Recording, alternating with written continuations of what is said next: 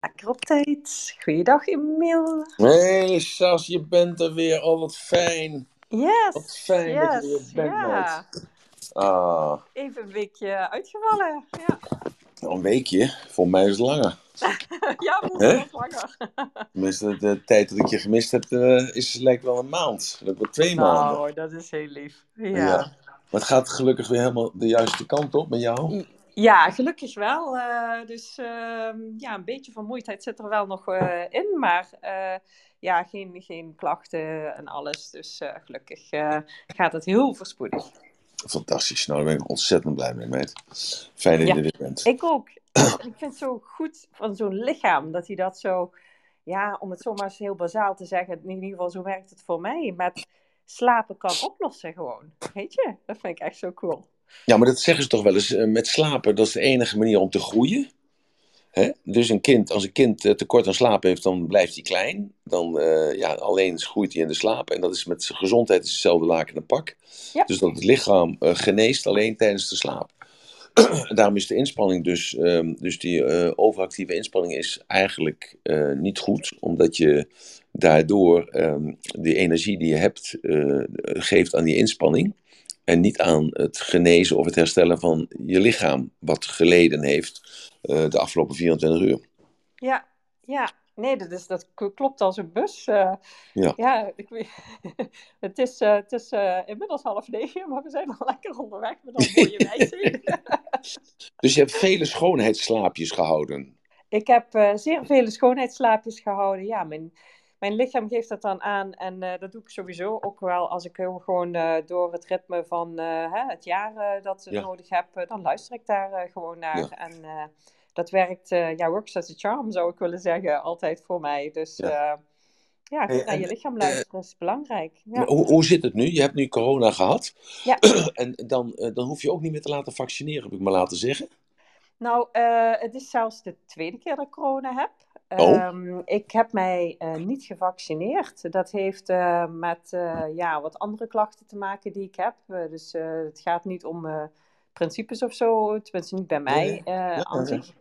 En ehm, ja, wat ze dus zeggen is dat je dus nu kunnen ze dus tot zes tot acht weken gaan ze dus ook, als ik nu opnieuw getest zou worden, kunnen ze dus alleen maar zien dus dat ik corona heb. Ja. En eh, in die periode eh, eh, vinden ze het ook niet verstandig om extra te vaccineren, omdat je al zoveel eh, ja, antistoffen in je bloed hebt, omdat je lichaam eigenlijk al de boel eruit heeft gewerkt. Ja. Dus, en dat is feitelijk ook wat een vaccin doet, hè? antistoffen opbouwen. Ja. Dus dat heb je al. Dus als je daar een prik overheen zou gooien, dan zou je hem wellicht een beetje too much krijgen. Ja, ja, ja, ja, ja. Ja. Oké, en, en hoe zit het dan met zo'n eh, met zo'n paspoort, zeg maar? Ja, dus eh, voor mij is het dan, eh, tenminste sinds de formele melding, is het meer dan 11 dagen geleden. En dan mag ik dus zo'n QR-code aanvragen. Ja, Alleen omdat ik dus eh, ja, projecten bij onder andere ook ziekenhuis doe en dus daar ben getest. Dat is een niet-GGD-locatie. En dan zit het weer heel ingewikkeld om eh, die toestemming te krijgen. Dus ik heb dat in het begin van deze week al proberen aan te vragen. ja. En eh, nou, stuur een mailtje daar naartoe, stuur een mailtje daar naartoe. En ja, het komt, het wordt in behandeling genomen. Dus ik ben in behandeling genomen, maar stand van zaken is dat ik dus geen QR-code heb. Want ja, als je het hebt eh, gehad, hè, recentelijk, dan krijg je een QR-code dat je overal naartoe mag. Als Ja. je gevaccineerd bent, et cetera. Nou, ik denk dat ik dat niemand hoef uit te leggen, maar goed. Ehm, ja, dus, dus ik, ik heb hem simpelweg nog niet, omdat de systemen niet zo snel zijn om me dat te geven. Ja. Dus ik mag eigenlijk morgen nergens naartoe. Ja, ik wou het zeggen, want dat heb ik nog helemaal niet begrepen. Dus, dus eh, morgen naar de bioscoop, dan, dan heb je zo'n code. Er eh, ligt natuurlijk aan de controlerende instantie ook, maar eh, eh, in principe niet. Nee, nee. Ja. Oké. Goed, nou, weer eens wat geleerd vandaag. Fantastisch. Hey, en, en wat ga je nu doen de komende weken? Ga je nu mijden, mensen mijden om, om niet weer besmet te worden? Of zeg je van, Oh oh, nee, ik heb nu zoveel... Het is altijd ook de, de tweede keer dat ik het heb. Hè? Dus Ja. ja. blijkbaar kan mijn lichaam het goed aan. Ik ben de vorige keer ook niet hè, uh, doodziek geweest of dat soort dingen. Wel ook weer ook mega vermoeid dat ik niet hè, uh, actief kon zijn zoals mijn dagdelen normaal zijn ingedeeld. Dus ja. ik kon mijn normale dingen niet doen. En dat heb ik de vorige keer ook gehad. Ja. Dus in die zin is het beeld hetzelfde. Dus ja, ik, ja, ik ook ja, klop het af. Ik, Ja. wil het geen derde keer afroepen. Maar ook al Ja. zou het een derde keer langskomen. Nee, dat ja. Dat is on- Eh. on- ontzettend verschillend hè, bij mensen. Ik heb eh, ook iemand gesproken die twee maanden in het ziekenhuis gelegen. En die vertelde mij dus, eh, die had corona gehad. Die zegt, nou, ik ben drie keer genezen van kanker. Dankzij al het positief denken en het ge- gezonde eten. Ik zei, nou, waarom heeft het dan nog twee keer te gekregen na die ene keer? Ja, ja daar kon ze geen antwoord op geven. Maar in ieder geval, ze zegt eh, dat corona, eh, dat is erger dan die drie keer genezen van die kanker. Met alle chemo's en allerlei andere troep erbij. Want het, het ademen ging eigenlijk door een kinderrietje. Dus niet zo'n groot rietje van eh, McDonald's, maar door een klein kinderrietje. Nou, ze, ze vond het vreselijk. Ja, en als, het, als ik het hoor vertellen, was het ook vreselijk. Ze is twee maanden in het ziekenhuis gelegen. Daarna moest ze nog twee maanden revalideren. Want ze was eh, helemaal eh, zwak geworden, dat ze ook niet meer kon lopen. Dus de spieren en dergelijke. En ik heb een andere vent in mijn leven, die is eh, 43, 44, is eh, mijn groenteboer. En die jongen die staat, eh, heeft eh, alleen maar markten. Doet hij vier keer in de week of vijf keer in de week. Nou, als je hem ziet, heeft hij altijd een appel of een peer of een sinaasappel in zijn mond of in zijn hand. Hij sjouwt de hele dag kisten door. En eh, ja, die had ook nergens last van. In één keer kreeg hij te pakken eh, van, met een bandwisselen of zo, had hij dat gekregen van de bandwisselaar. En eh, ja, toen is hij ook iets van een week of zes is eh, helemaal uit de race geweest. En dat heeft ongeveer een zes maanden geduurd voordat hij weer die kist met appels op kon pakken. Zo. Dus ja, ja dus Nee, ik, ik heb ook trouwens wel zeg ik heb echt een lijf wat altijd heel erg goed recupereert. Ja. Ja. Ehm, dus dus eh, wat ik merk sowieso als ik, als ik sport, hè, kan ik eh, behoorlijk intensief sporten. En dan ben ik ook heel snel weer eh, Ja. sowieso qua spieren, hè, dus qua, qua spierverzuring, maar ook qua ademen. Uh-huh. Eh, wat ik wel in beide periodes had, is dat ik überhaupt nul behoefte had om te gaan sporten. Dus ik heb ook inderdaad eh, heel eventjes, hè, ik, eh, ik doe dansen, ik doe hardlopen, ik doe yoga. Normaal gesproken zijn dat dingen Ja. die bij mijn dagelijkse ritme horen. Op de ene dag Ja. doe ik het ene en dan op de andere dag doe ik het andere. Maar dat heb ik wel even niet gedaan. Dat heb Ja. ik wel van de week dus voor het eerst gedaan weer. En eh, gisteren met de yoga. Ja, en je merkt wel dat je het heel eventjes niet gedaan hebt. Maar ik kan niet zeggen dat dat eh, dan een heel stuk anders of minder is dan zou ik voor een andere reden Ja, het, eh, ja, het eh, heel even hebben laten liggen. Oké, en we gaan het hebben over vitaliteit. Hoe was jouw vitaliteit gedurende het ziekteproces? Ehm, ja, dat ligt er ook aan een beetje hoe je dat definieert. Ja, ja, ja, ja, ja, ja nee, natuurlijk, natuurlijk, natuurlijk. Ehm, dus Maar ik was, als een ik was heel vrouw. erg blij met Ja. mijn lichaam ehm, dat het het op zo'n goede manier aankon. Ja. Dus eh, een beetje hetzelfde wat ik ook net al, al zei, van dat, ik, eh, ja, dat mijn lichaam blijkbaar op een manier reageert om het makkelijk op te pikken. Dus ik voelde mij in die zin eh, heel vitaal. Hè? Mijn lichaam was ook hard aan het werken. Mhm. Maar als je de vitaliteit definieert als zijnde van ja, eh, ik, ik, ik, ik ga heel veel dingen ondernemen en daar heb ik nou echt de zin om dat op dat moment te doen. Ja, die zin had ik misschien wel, maar ik merkte aan mijn lijf dat het heel eventjes niet kon. Ja. Dus, dus die kant was er heel eventjes niet. Dus ik, ik wilde wel van alles, maar ik moest me er ook gewoon bij neerleggen dat het niet kon. En ja, ja dat is niet mijn beste modus. Ja. Ja. Dus, maar uh, ja, dus, dus een beetje van twee kanten. Het ligt eraan hoe je het woord uh, ja, invulling geeft. Dus ik was Ja. heel blij met uh, ja, ja, mijn lijf, de, de, de, vitaliteit die in mijn lijf zit. Om de dingen op te lossen in dit geval. Ja. Maar daardoor bleef er weinig vitaliteit over voor ja, de normale gang van zaken. Ja, ja, ja, ja, ja. Hey, en Mirjam is er ook gelukkig weer. een lekker vakantie geweest, verjaardag gevierd. Hè? Nog even live feliciteren, Mirjam. Met je, met je 25e verjaardag. dus uh, nou, zo, we hebben de foto's allemaal bekeken. Nou ja, volgens mij heb je het ontzettend naar je zin gehad. Ja. Hè? Met uh, wijn, wijp en kazang. Hè? Nou, nou, geen wijp, maar in ieder geval wijn, wijn en kazang in ieder geval. Dus uh, ben je helemaal uitgerust? Ben je weer helemaal de oude? Of, uh, nee, ik, ik, moet nog uh, acclimatiseren. oh, je moet nog even uitrusten van de vakantie? Ja, sorry. Oké. Ja, soms Nou, kunnen dat zwaarder zijn dan andere dingen. Nou. Moet weer even, moet nog even landen hier, zeg maar. nog even landen. En wanneer ben je, wanneer, je bent toch eh, vorige week al geland? Of uh, begin van deze week of zo al? Nee, woensdagavond. Woensdagavond. Het is vandaag, het is uh, vrijdag. Vrijdag, het is twee Oh, ja. dagen geleden. Oké, goed. Nou, doe me denken aan mijn zoon die ooit eens een keer eh, op een dinsdagmorgen tegen me zei: Ik heb geen zin. Ik zei: Hoezo? Ik heb geen zin. Ik zei: Dan maak je zin. Ja, hij zei: Pa, ik ben vrijdagavond bezopen geweest.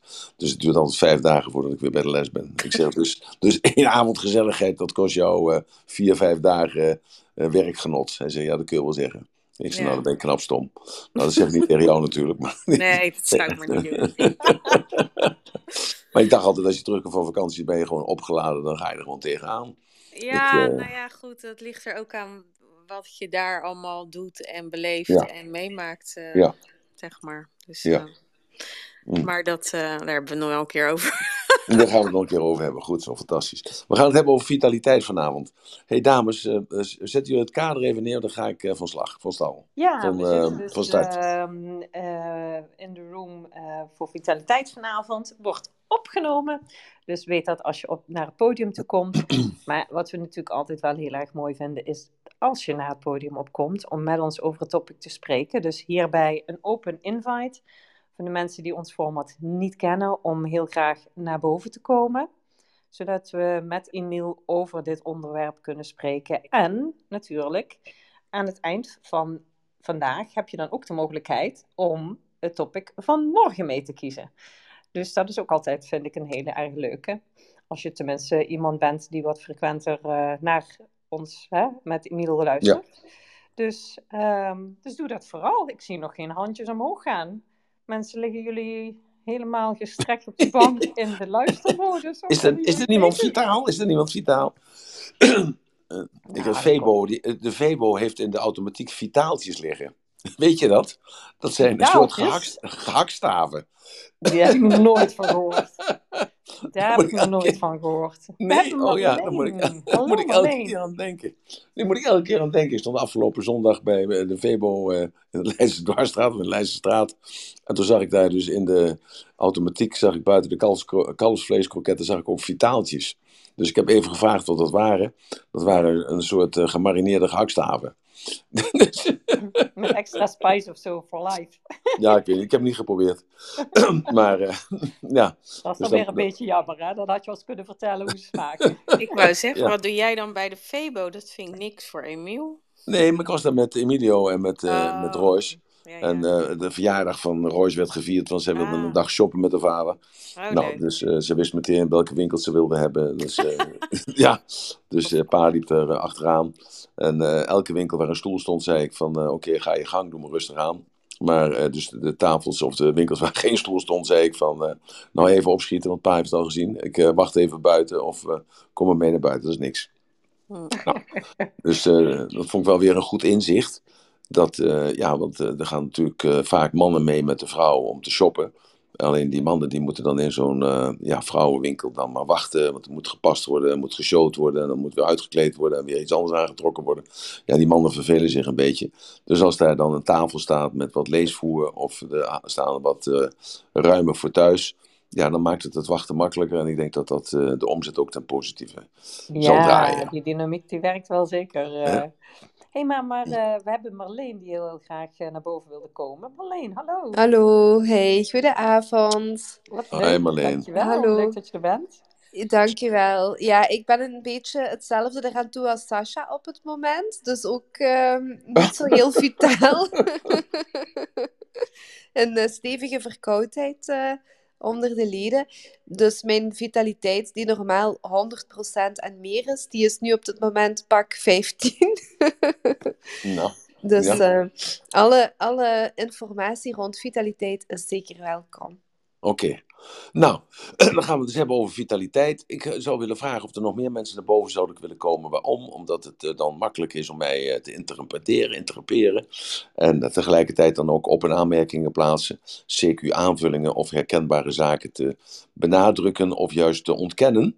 En van daaruit krijgen we dan een, een beetje een meer ja, wendbaarder eh, event. Want het moet niet zo zijn dat het eh, alleen maar dat ik aan het woord ben. Eh, daarom vind ik het ook altijd leuk dat Sas is nogal lekker, lekker gebekt. En Mirjam ook. Dus hartstikke leuk dat die eigenlijk allerlei weer dingen in kunnen brengen. Waardoor dan ook het onderwerp een, ja, niet zo, zo star en zo stoer wordt. Dus ik zou het fijn vinden als er nog wat mensen naar boven zouden komen die dan meteen in kunnen grijpen. Nou, vitaliteit. Ja, ik ga nu de knuppel even in het hoenderhok gooien. Want vitaliteit is een instelling. Vitaliteit is een keuze. Die maak jij zelf. En uh, ja, en hoe maak je die keuze dan? Dat is een kwestie van uh, wat jij wilt.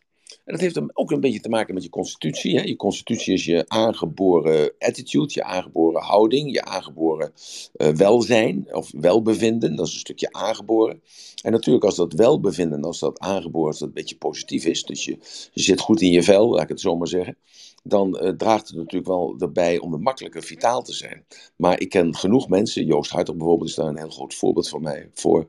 Uh, die is, uh, ja, is heel erg gehandicapt, heeft een hele ho hoge dwarslesie.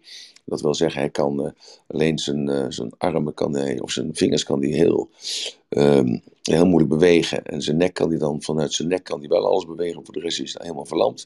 En ik ken maar weinig mensen die zo vitaal zijn als hij.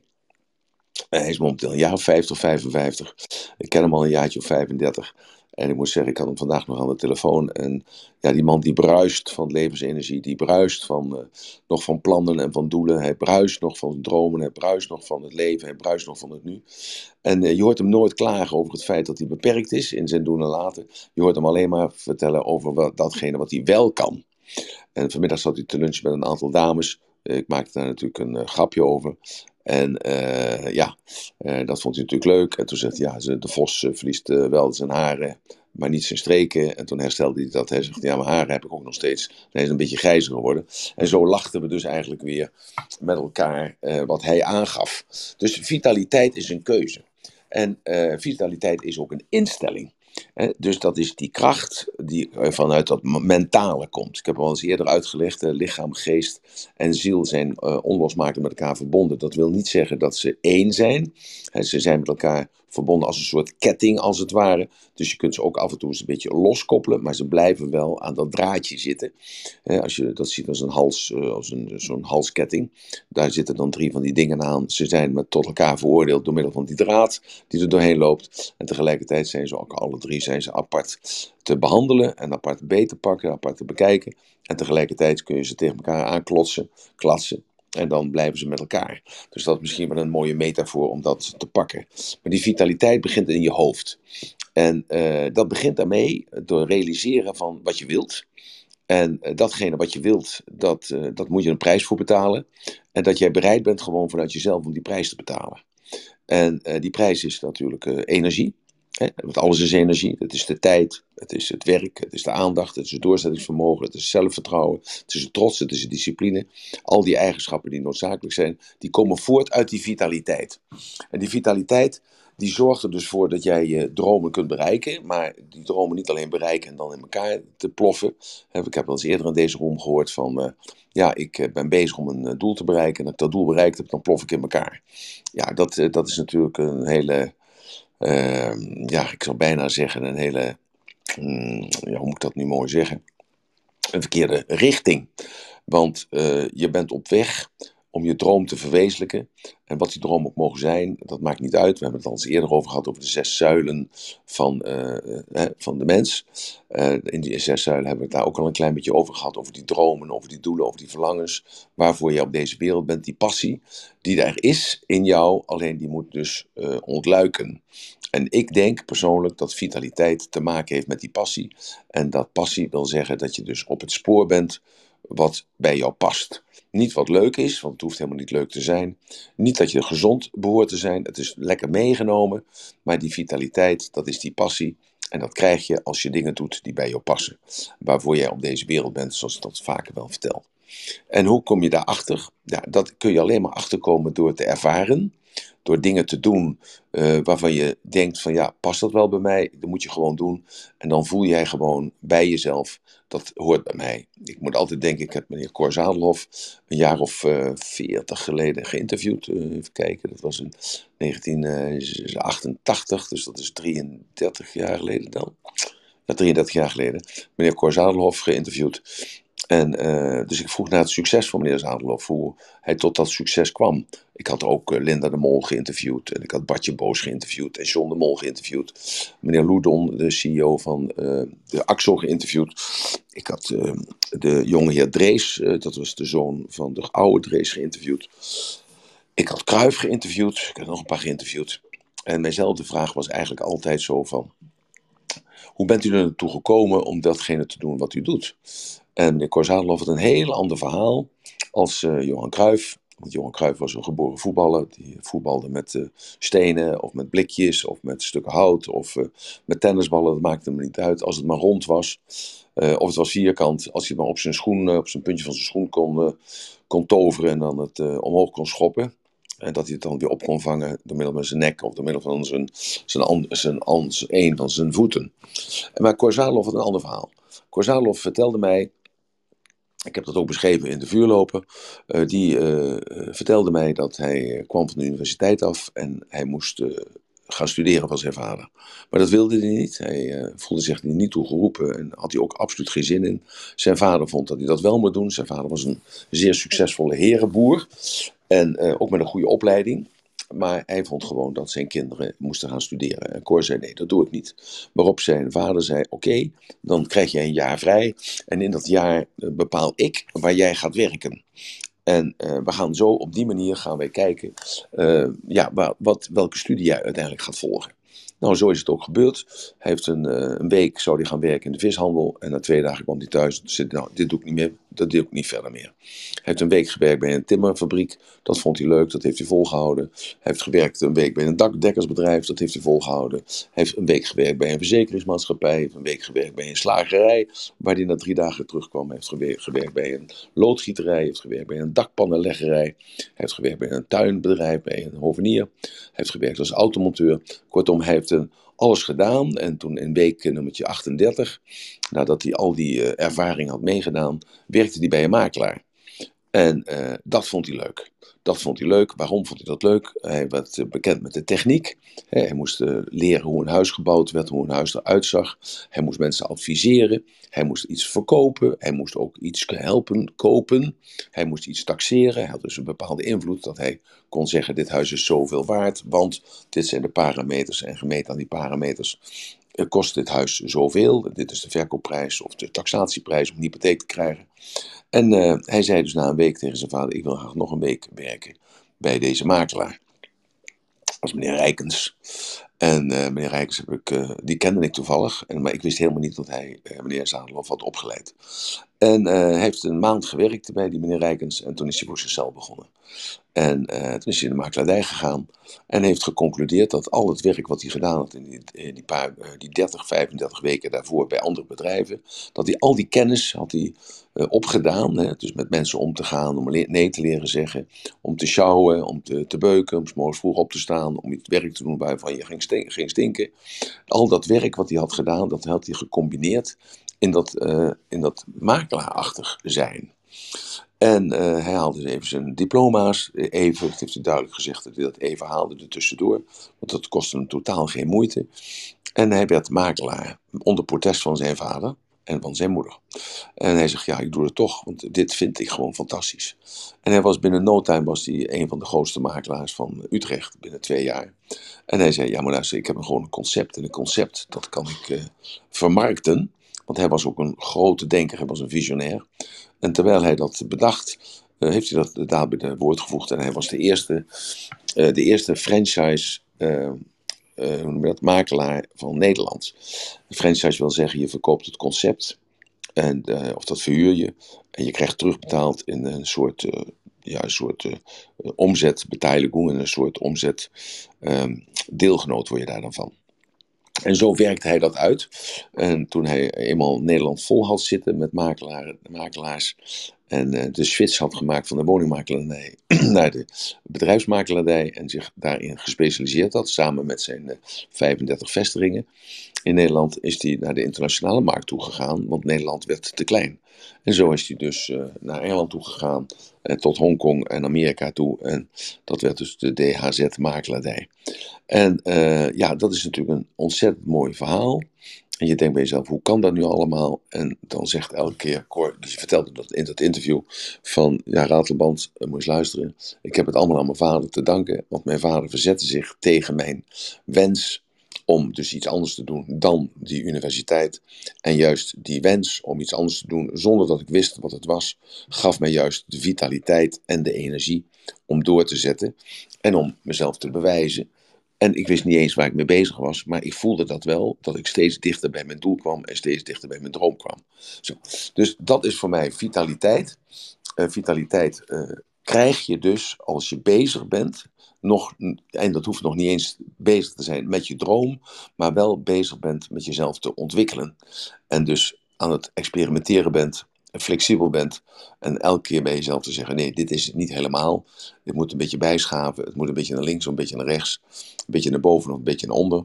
En zo kom ik langzamerhand kom ik dan bij mijn levensbestemming, mijn levensdoel. Dat is vitaliteit.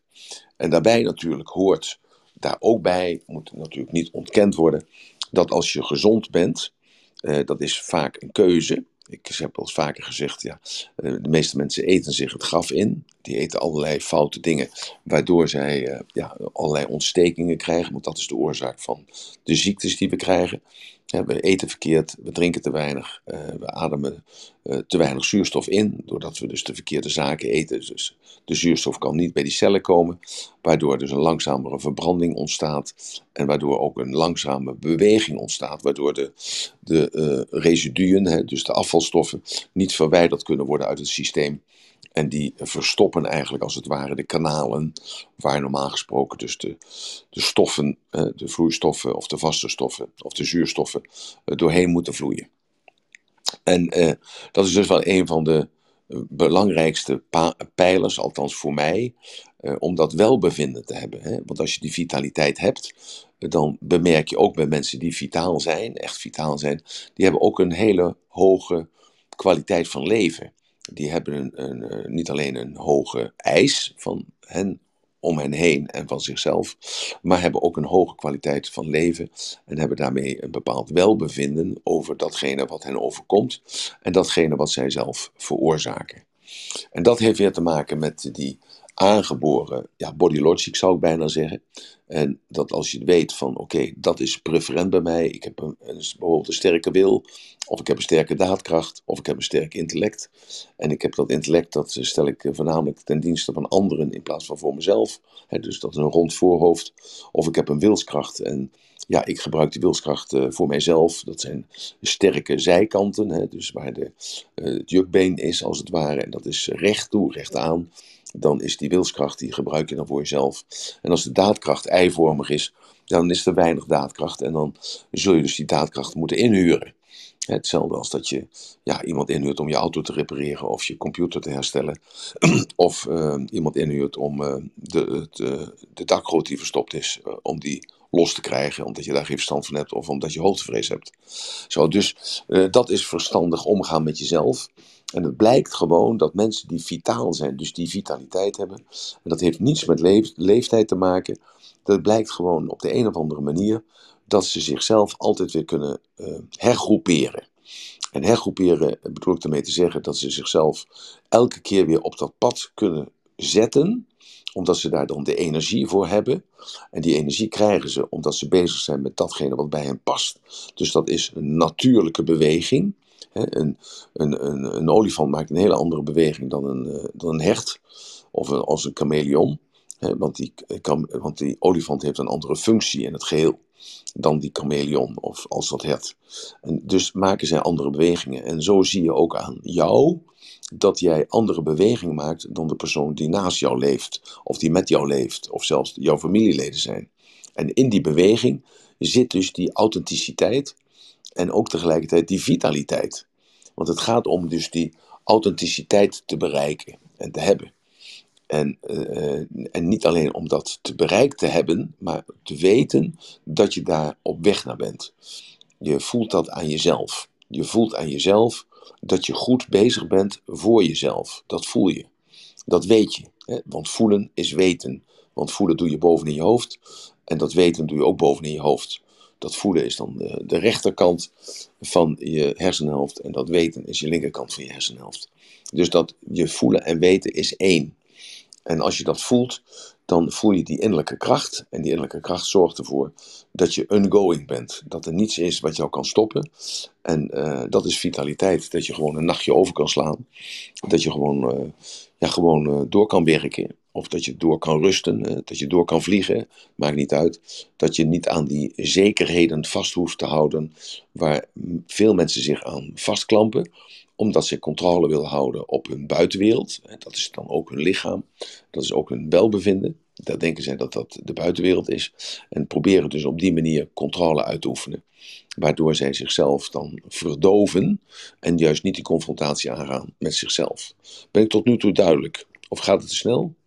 Nee, het gaat goed. Ik, vroeg, ik, ik, ik had alleen voor mezelf zoiets dat ik dacht van het heeft heel erg met conditie te maken, maar dat is dus niet zo. Nee, dat is niet zo. Nee, het heeft absoluut niet met conditie te maken. Omdat je dus die, die drie dingen, hè, dus dat intellect, de, die wilskracht en die daadkracht, die, die zet je dus uh, in voor die vitaliteit. Omdat je die vitaliteit is een keuze in de kwaliteit van je leven. En ik denk gewoon dat we nou ook dan even dat best mogen benoemen bij jou. jij, uh, jij doet een aantal dingetjes uh, samen met mij en jij voelt je daar lekker bij.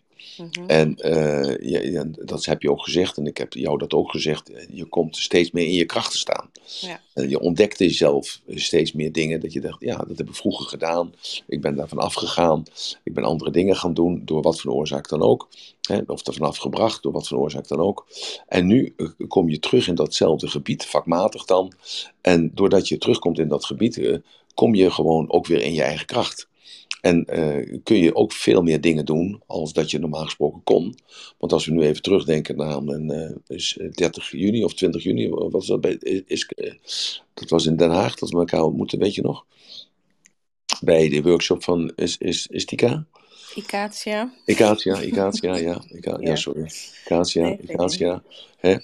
dat je daar was, dat hielp je ook. En mm -hmm. dat ging goed. En, maar je was toch aan het eind van je Latijn. Ja. Toch? Ja. En dat was al uh, kort in de middag. Uh -huh. Nou, en dan trekken we dat even door naar het event van de vorige keer wat we hadden, wat je helemaal super georganiseerd hebt. Hè, wat ook heel veel inspanning is. Je bent er twee keer naartoe gegaan. Je was er ook eerder en dergelijke. We hebben nog even gesproken uh -huh. bij het ontbijt, hè, voordat het begon. En uh, je had op je genomen dat je dus, uh, je ging op vakantie, maar je wilde het wel even beginnen en je wilde het toch wel even een stukje afmaken.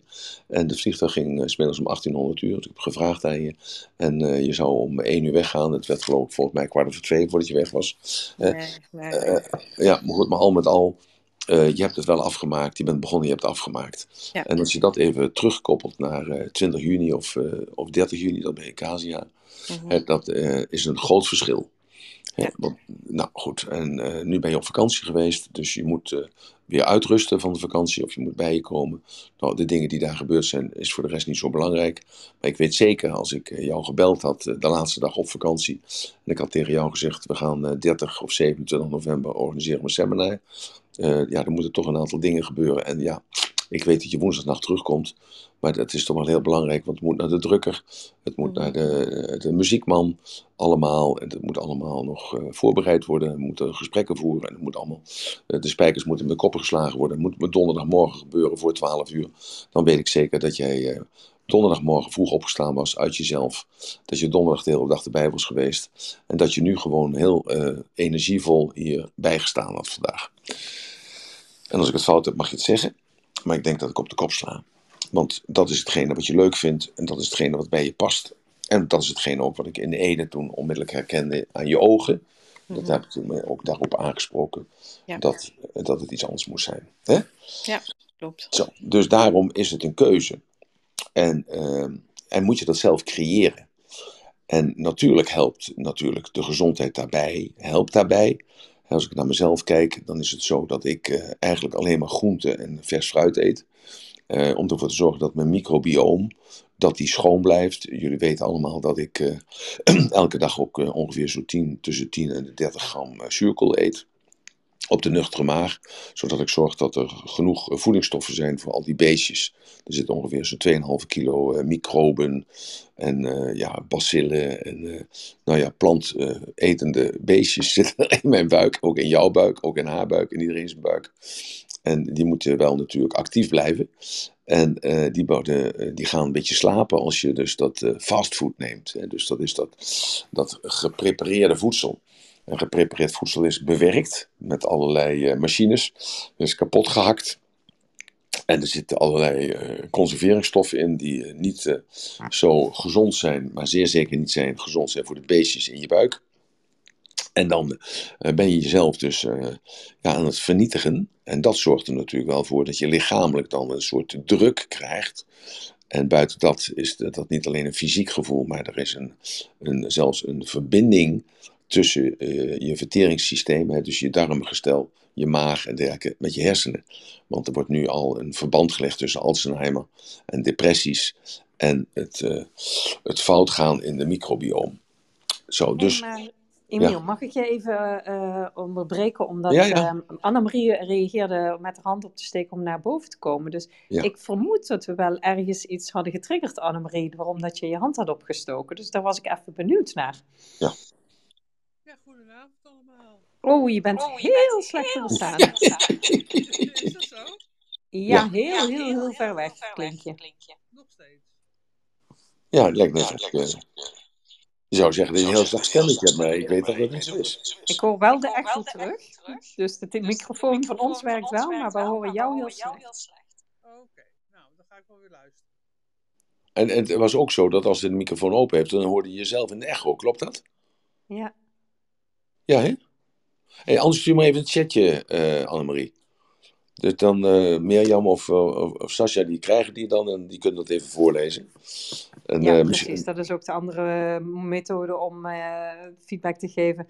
Maar ja. Marleen, jij had ook een definitie van vitaliteit. En die zat een beetje anders volgens mij als een mail. Hallo. Um, nee, ik vind het... alleen mijn mama die zegt eigenlijk net hetzelfde wat Emiel ook zegt. Dus ik heb dat al heel vaak op die manier ook gehoord. Wat ik heel interessant vind. En um, ik geloof er ook heel erg in dat vitaliteit inderdaad samenhangt met voeding. Uh, het is alleen um, vooral hè, als je altijd heel gezond bent en heel vitaal. Hè, want dat is ook mijn mindset natuurlijk. Ik ben een heel actief persoon. Dat wanneer het dan eventjes wat minder is, dat ik dan meteen denk van oei, komt dat nog wel goed? Maar dat is inderdaad ook mindset. Want ik weet ja. dat dat goed komt. Ook al, hè, dat, dat is van voorbijgaande aard. Ja, omdat je net bij de introductie zei je precies zoiets. Dat je zei van, net als wat Sascha net benoemt, ben ik nu niet zo vitaal. En ik had mm. voor mezelf de definitie, ondanks hè, dat ik wel ziek mm. ben geweest, dat ik wel vitaal was. Want ik voelde dat mijn mm. lichaam heel hard aan het werken was. Ja, dus was... inderdaad. Inderdaad. Ja, ik, ik heb van, ondanks dat ik ziek was, had ik ook vandaag een heel belangrijke meeting. Uh, een stuk van hier, ongeveer uh, twee uur rijden van hier. En ik ben daar toch naartoe gegaan. En uh, ik had mezelf echt opgepept van ik ga het gewoon doen en het gaat goed gaan. Okay. ondanks, ja, ja dus op dat vlak bedoelde ik van ja, dat herken ik inderdaad. Maar dat is ook maar iets wat je eventjes kunt doen. Je kunt niet gewoon doorgaan alsof er dan helemaal, gewoon doorgaan met je dagelijkse dingen en het tempo van, van normaal. Dat, dat bedoel ik eigenlijk. Hè. Ja, ja, maar ik, kijk, alles wat ik vertel moet je altijd ter overweging nemen. Hè? En dat bedoel ik mee te zeggen, ik geef een bepaalde richting aan van denken, wat niet de waarheid hoeft te zijn, want ieder mens heeft zijn eigen waarheid, maar wat juist jouw waarheid ter discussie stelt zodat je zelf eens een keer bij jezelf te raden gaat en zegt van, ja, ik geloof dat vitaliteit voor mij is eh, gezondheid en vanuit die gezondheid kunnen acteren. En als Ratelband zegt van, ja nee, het is een instelling, het is een keuze en het komt uit je hoofd, dan hoeft dat niet zo te zijn dat ik gelijk heb, want ik wil me gelijk niet halen. Mijn, mijn insteek is altijd dat ik iets vertel wat misschien controversieel is, waardoor jij zegt, ja, dat is niet zo, of waardoor jij misschien weerstand krijgt, of waardoor jij misschien zegt, ja, hij heeft wel gelijk. Nee, ik wil geen gelijk hebben. Het enige wat ik wil is dat jullie nadenken over dat wat ik zeg. En op het moment dat je na gaat denken over datgene wat ik zeg, dan vult dat zichzelf aan vanuit jezelf. Want ik ben niet jouw guru, je bent je eigen guru. er is maar één werkelijkheid en dat is jouw werkelijkheid. Er is maar één waarheid, dat is jouw waarheid.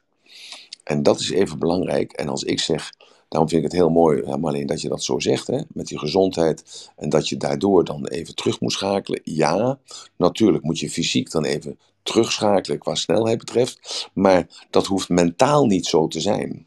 Mentaal kun je wel die vitaliteit houden. En daar, daarom ben ik begonnen met die metafoor te vertellen van die drie kralen. Het zit aan elkaar vast en tegelijkertijd is het ook los van elkaar. Want als je dus verkouden bent en uh, je hebt de verhoging En je hebt ook nog spierpijn bij. En ja, dan is het natuurlijk ook heel begrijpelijk dat je niet eh, de 43 kilometer de marathon kan lopen. Dan is het ook heel begrijpelijk dat je gewoon niet kan scoren. Want daarvoor moet je fysiek eh, gewoon topprestatie leveren. Althans, als je dus succesvol wilt zijn, dan zul je elke dag een topprestatie moeten leveren. Voor jezelf. Hè, om de, de dag daarna het weer beter te kunnen doen. In ieder geval anders te kunnen doen. Dat je van geleerd hebt van deze ervaring. En eh, ja, dus dat kan dan zijn dat je eventjes fysiek even achterloopt, maar dan kun je mentaal die, die uh, vitaliteit uh, wel weer beoefenen. Zo, dus dat is de keuze die je daar krijgt.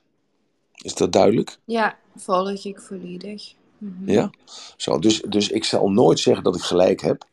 Want uh, dat is natuurlijk niet zo. Want gelukkig zitten er 40 of 50 man in de room. Of er zijn er 20 of het zijn er 200, dat is niet belangrijk. Er zitten uh, 200 verschillende waarheden in de room. En op het moment dat jij beaamt wat ik zeg, is dat mooi, herkenbaar. En tegelijkertijd ook, ja, is dat ook iets dat je dan andere dingen nog moet luisteren, beluisteren. Want het is nooit klaar. Je bent nooit klaar. Je, begint aan yoga, of je begint aan een boek, of je begint aan een nieuwe levensfase met een nieuwe partner, of uh, je krijgt een kindje erbij, dus dan moet je je leven anders inrichten. Het zijn allemaal leermomenten, het zijn allemaal metaforen. Je stapt zelf in een bepaalde metafoor waarin jij gelooft. En uh, dat bepaalt je leven, dat bepaalt je zienswijze en dat bepaalt ook de voortgang en dat bepaalt ook je, je, je blinde vlek. En die metafoor die mag je ten alle tijde veranderen. Je mag dus altijd terugkomen op een eerder genomen beslissing. Je mag rustig zeggen, ik ben atheïst. En morgen zeg je van, ja, ik heb altijd gezegd dat ik atheïst ben. Ja, ik geloof toch dat er, in, uh, dat er iets is van, uh, wat boven ons uh, zweeft. En wat sturend is. Je mag altijd terugkomen op een eerder genomen beslissing van dat jij dacht dat jenever gezonder was dan water. En komt tot het inzicht dat water gezonder is dan jenever. Nou, dan, dan, dan maak je een switch, dan maak je een kwantumsprong in je ontwikkeling. Want water is echt gezonder als jenever voor ons allemaal in de room. Zo, dus dat is eigenlijk de insteek van elke room. Dat ik een verhaal vertel. En dat verhaal vertel ik natuurlijk vanuit mezelf, vanuit mijn eigen ervaring, vanuit mijn eigen kennis, vanuit mijn eigen, ja, wat ik meegemaakt heb en mijn eigen conclusies. En ik heb heel vaak dat ik de room afsluit en dat ik zeg bij mezelf, nou, ik heb dat verteld. Ja, is dat nou wel zo? Dat heb ik dan verteld over bijvoorbeeld over evolutie of over scheppingverhaal. En dan denk ik bij mezelf, ja, is dat nou wel zo? Heb ik het nou wel compleet verteld? Had ik er nou niet bij moeten vertellen dat er ook buitenaardse beschaving is? En zoals gisteravond het verhaal met Annemiek een hele andere wending kreeg. Want we hebben het volgens mij gisteravond niet eens over vitaliteit gehad. Maar we hebben het over allerlei andere zaken gehad. Inclusief dan uh, de implosietheorie van die meneer die met Hitler een soort vliegende schotel heeft gebouwd. Ja, daardoor was ik de draad een beetje kwijt, want ik denk, hè, het, is, het is helemaal niet het, uh, het, uh, Ja. het. Ja, ja, ja, ja, ja, ja, ja, ja. Maar, eh, dus dat klopt ook. Alleen, ja, jullie, jullie bepalen de, de setting en jullie bepalen ook hoe het loopt. Hè? Want jullie kunnen zeggen van, we snappen er niks van. En dan, eh, ja, dan moet ik eh, dan eh, het aanvullen om het dan toch weer te verbeteren en dan aan te vullen, zodat het weer in het juiste perspectief komt. Maar Annemiek die ging gewoon de hele andere kant op, want die was de dag daarvoor, was zij zo getroffen door het verhaal van meneer Schopenhauer, die dus het, de implosie had bekeken. En dat als kind zijnde in het bos wandelde, is uiteindelijk ook boswachter geworden. En eh, dat hij keek naar de zalmen die de beek opzwommen. En hoe dat nou kan. Hè? Dus eh, jullie hebben allemaal op school geleerd dat de zalmen hun eitjes leggen eh, boven in het meer. En eh, zwemmen daarna naar beneden toe als ze de eitjes neergelegd hebben. En het volgende seizoen zwemmen ze dus weer stroomopwaarts. Dus zwemmen ze weer naar dat meer waar ze dan die eitjes leggen. En eh, daar komen die kindjes dan uit en die zwemmen dan weer mee naar het, het grote water. En eh, hij vond dat zo interessant en eigenlijk is het ook interessant. Hoe kan nou een zalm een, een eh, waterval trotseren? Hè? En dan een waterval van 8 tot 10 meter, verticaal. Hoe kan dat? Hoe is dat mogelijk? En ja, als je daar nooit over nagedacht hebt, ik had er nog nooit over nagedacht, ik had het maar aangenomen voor granted, dat het nou eenmaal was dat, een, ja, dat, dat die zalm gewoon zo geconstrueerd was, dat hij gewoon eh, verticaal omhoog kon zwemmen, eh 8 tot 10 meter. Alleen eh, deze meneer, die ging ervoor zitten en die keek dus, terwijl dus die, die tocht was van al die zalmen naar boven, ging dat kijken. en bekijken en beschrijven. En toen in die periode waren er nog geen fototoestellen, althans niet betaalbaar. En die hadden ook een, een langzamere slu- sluitersnelheid, dus dat kon niet. Dus hij moest het allemaal tekenen en ja, er weer over nadenken, het visualiseren. En dan uiteindelijk tot de conclusie komen van dat het een eh, implosieverhaal. Het is geen explosie, dus het is geen kracht. Maar het is juist de implosie. En vanuit die gedachte, vanuit die zienswijze, vanuit dat modelleren. Gisteren zijn we daarop gekomen. Dat het, eh, de wetenschap steeds meer kijkt naar de natuur. Terwijl dus in de afgelopen 200 jaar juist de wetenschap zich afkeerde van de natuur.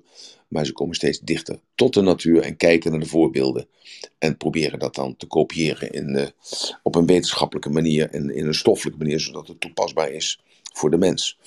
En zo had hij dus dat ontdekt van die zalm. en toen heeft hij een, een beekje aangelegd. Want eh, als die zalm omhoog kan komen met een bepaalde werkwijze, dan kan het water ook de berg oplopen met een bepaalde werkwijze. En dat was natuurlijk eh, zo gek als een ui. Hè? Toen werd hij ook een beetje voor gek verklaard. En dat heeft hij toen eh, in, in, voor zijn eigen geld heeft hij dus een beekje aangelegd van een metertje of 150, die de berg opstroomde. Ja, en toen kwamen ze dus van heinde en ver. En toen werd dat helemaal bestudeerd door alle wetenschappers, want dit kon dus gewoon niet. Dus hij werd eigenlijk ook heel verdacht gemaakt, waardoor hij een, een, eh, bepaalde afkeer kreeg van alle zogenaamde wetenschappers die hem afkeurden en vertelden dat het niet kon. En er was maar één man die in hem geloofde. en die heeft hem toen, eh, dat was een, eh, een, een, een houtzagerij. En die heeft toen tegen hem gezegd: Als dit kan met die 100, 150 meter, dan kun je dat ook de berg opleggen. En dan kunnen we van daaruit kunnen we dan het hele jaar door kunnen we hout hakken. Want het hout werd alleen gehakt in het voorjaar, omdat dan er heel veel sneeuw smolt. En dat liep naar beneden. En dan konden die afgezaagde bomen konden dan naar beneden gebracht worden. Door middel van die beek of dat, eh, dat smeltwater. En uh, ja, ik heb verteld dat dus, uh, dat is natuurlijk heel interessant. dat heeft machines gebouwd, dat heeft hij gedaan met geld van Hitler. En heeft dus ook uh, Bernard van Braun is bij hem geweest. En ja, Albert Einstein heeft hij mee samengewerkt zelfs. Heeft met Tesla samengewerkt. En die hebben eigenlijk allemaal dezelfde gedachte gehad. Dat er de energie, dat die om ons heen is. En dat we die moeten alleen, kunnen we die niet lokaliseren. En we kunnen die nog niet, maar zij wel dus. Zij hadden dat wel gevonden en al die kennis is dus verdwenen. zij hadden dus ontdekt dat de energie overal is en dat je die energie kunt gebruiken als, als brandstof. Dat is het foute woord, hè? maar als brandstof voor iets te laten bewegen. En daarop heeft hij een aantal machines gebouwd. Die machines zijn in het bezit van de familie, van de kleinkinderen van hem, kleinkinderen en achterkleinkinderen. En die zijn allemaal uh, nog steeds voorzitter en secretaris van die club. En dan altijd komen we één keer per jaar bij elkaar. Ik ben er twee keer geweest. En dan wordt er uiteindelijk aan het eind van de zitting, van de vergadering, de, de discussies allemaal die er zijn. En dat, ik ben dan altijd de jongste van het hele spul. Het zijn allemaal hele oude mannen, markante figuren. En dan wordt altijd aan het eind, wordt er dan een machine die daar gestaan heeft onder een laken, wordt dan tevoorschijn getoverd. De ene heeft dan een keer een, keer een ronde vorm, de andere keer een rechte vorm. Tenminste, wat ik tot nu toe gezien heb en wat ik gehoord heb, zijn er allerlei vormen.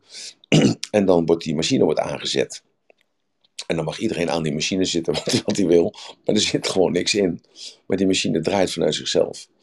En uh, ja, dat is natuurlijk wonderbaarlijk dat hij de enige is. Uh, Tesla heeft dat ook laten zien, alleen dat is allemaal vernield. En Werner van Braun heeft het een stukje gebruikt met, het, uh, met de V1 en de V2's. Als jullie dat misschien nog herinneren, dat het in de oorlog, dat die bijna in staat waren om Londen te vernietigen. Zonder computers, zonder rekenmodellen. dat, dat, dat dat ontwikkeld is toen de tijd. En ja, dat is samen met die, met die man, die boswachter, is dat ontwikkeld. Dus dat is een. En als je die machine dan ziet draaien en je gelooft het niet, maar ja, er is niets wat hem voortbeweegt, maar er komt wel energie uit die machine. Er komt wel beweging uit die machine. Dus dat is een hele interessant iets. En dat is vitaliteit ook, want daarom, vertel ik dit nog een keer, want ik heb het gisteren verteld, maar ik vertel het nog een keer. Dat is de vitaliteit ook. De vitaliteit zit in iedereen. En als jij jezelf maar bent geworden, want dat is niet zo. Je bent als kind, ben jij jezelf. Dan raak je jezelf kwijt. door de opvoeding, door het eh, conditioneren in goed en fout, in het eh, belonen en in het straffen.